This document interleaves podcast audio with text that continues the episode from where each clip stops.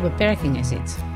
Vol ontkenning van wat je zelf wil, vol verplichtingen, zodat het leven alle kleur verliest. Is dat zo? Nou, niet als je Psalm 128 leest. Daar staat gelukkig ieder die ontzag heeft voor de Heer en de weg gaat die Hij wijst. Je zult eten wat je werk opbrengt, geluk en voorspoed vallen je toe.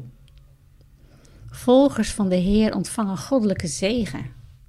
En het thema van deze psalm is tevredenheid. En er zijn twee richtlijnen in het leven van die gezegende mensen. Ze hebben ontzag voor God en wandelen in zijn wegen. We gaan de weg die hij wijst. En ontzag voor God, dat is dat, jij, dat hij naast dat hij een vriend van ons is, ook machtig is, heilig, oneindig, wonderlijk. Laten we dat niet vergeten. Wandelen in zijn wegen betekent dat we leven volgens zijn oorspronkelijke bedoeling en blauwdruk. En dan staat er: Je vrouw zal zijn als een vruchtbare wijnstok en je zonen als olijfscheuten.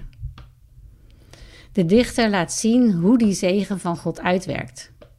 En de illustratie die hij kiest is beïnvloed door de Hebreeuwse cultuur, waarin een vrouw en kinderen een teken van vervulling, van tevredenheid was.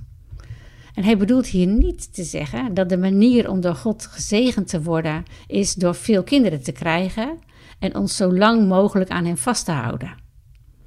Maar wat hij met dat beeld zegt is: de zegen van God heeft de kracht in zich om te vermeerderen en te bloeien. Ik denk dat we dit beeld niet te letterlijk moeten nemen, maar juist de achterliggende boodschap van groei en bloei eh, mogen proeven en eh, vanuit die waarheid leven. Een eigenschap van zegen is dat het vermenigvuldigt.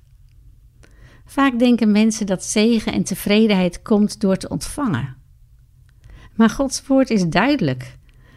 Het is gezegender om te geven dan te ontvangen. Veel van de problemen in arme landen waar hongersnood en tekorten zijn, zouden snel kunnen worden opgelost als hun overheden net zo druk waren met het welzijn van de bevolking als met hun eigen welvaart. En dat geldt in het klein ook voor ons. Als wij gevers zijn of worden, zullen we zien dat onze vitaliteit groeit. En dat de mensen om ons heen vruchtbare wijnstokken en olijfscheuten om onze tafel worden. En Heer, zo bidden wij in deze tijd waarin zoveel op ons afkomt, zoveel nood, er zoveel crisis zijn. Dat u ons laat zien, heel dichtbij, waar wij een tafel mogen dekken voor degene die vruchtbare wijnstokken en olijfscheuten mogen zijn.